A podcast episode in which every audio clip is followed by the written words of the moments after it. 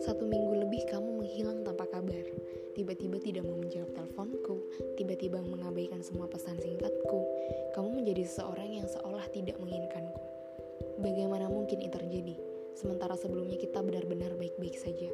Aku masih ingat sehari saja aku telat mengabarimu, maka kamu akan marah, cemberut, dan kamu akan mengirimi banyak pesan. Namun saat ini semuanya terasa sangat berbeda. Apa yang sedang terjadi sebenarnya? Aku benar-benar tidak mengerti kenapa orang yang dengan sungguh kucintai tiba-tiba menjauh tanpa peduli bagaimana aku. Kamu menjadi asing bagiku. Entah kenapa rasanya begitu berat melalui satu minggu belakangan ini. Setiap hari, aku tak tahu apa yang harus aku lakukan. Aku kehilangan semangat. Hidupku seolah kehilangan hara. Sebab semua rencana yang sudah kita rancang bersama terbengkalai adanya. Sampai saat menulis catatan ini, aku tak pernah berharap kamu pergi. Aku ingin kamu kembali kepadaku, menjelaskan kenapa semuanya menjadi kau diamkan mendadak seperti ini. Apa ada masalah yang aku lewatkan? Apa ada hal-hal yang tak kusadari sudah melukai hatimu? Aku butuh semua penjelasan itu. Kita memulai hubungan ini dengan baik, dengan tujuan yang jelas.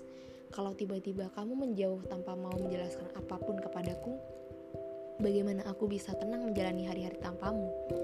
Sungguh, sampai saat ini aku masihlah perempuan yang dengan sungguh ingin hidup denganmu, perempuan yang sepenuh hati ingin menjadi belahan jiwamu. Semoga waktu mampu menenangkan jiwamu, membuka hatimu kembali. Semoga segala hal yang pernah kita lalui membawamu pulang kepadaku.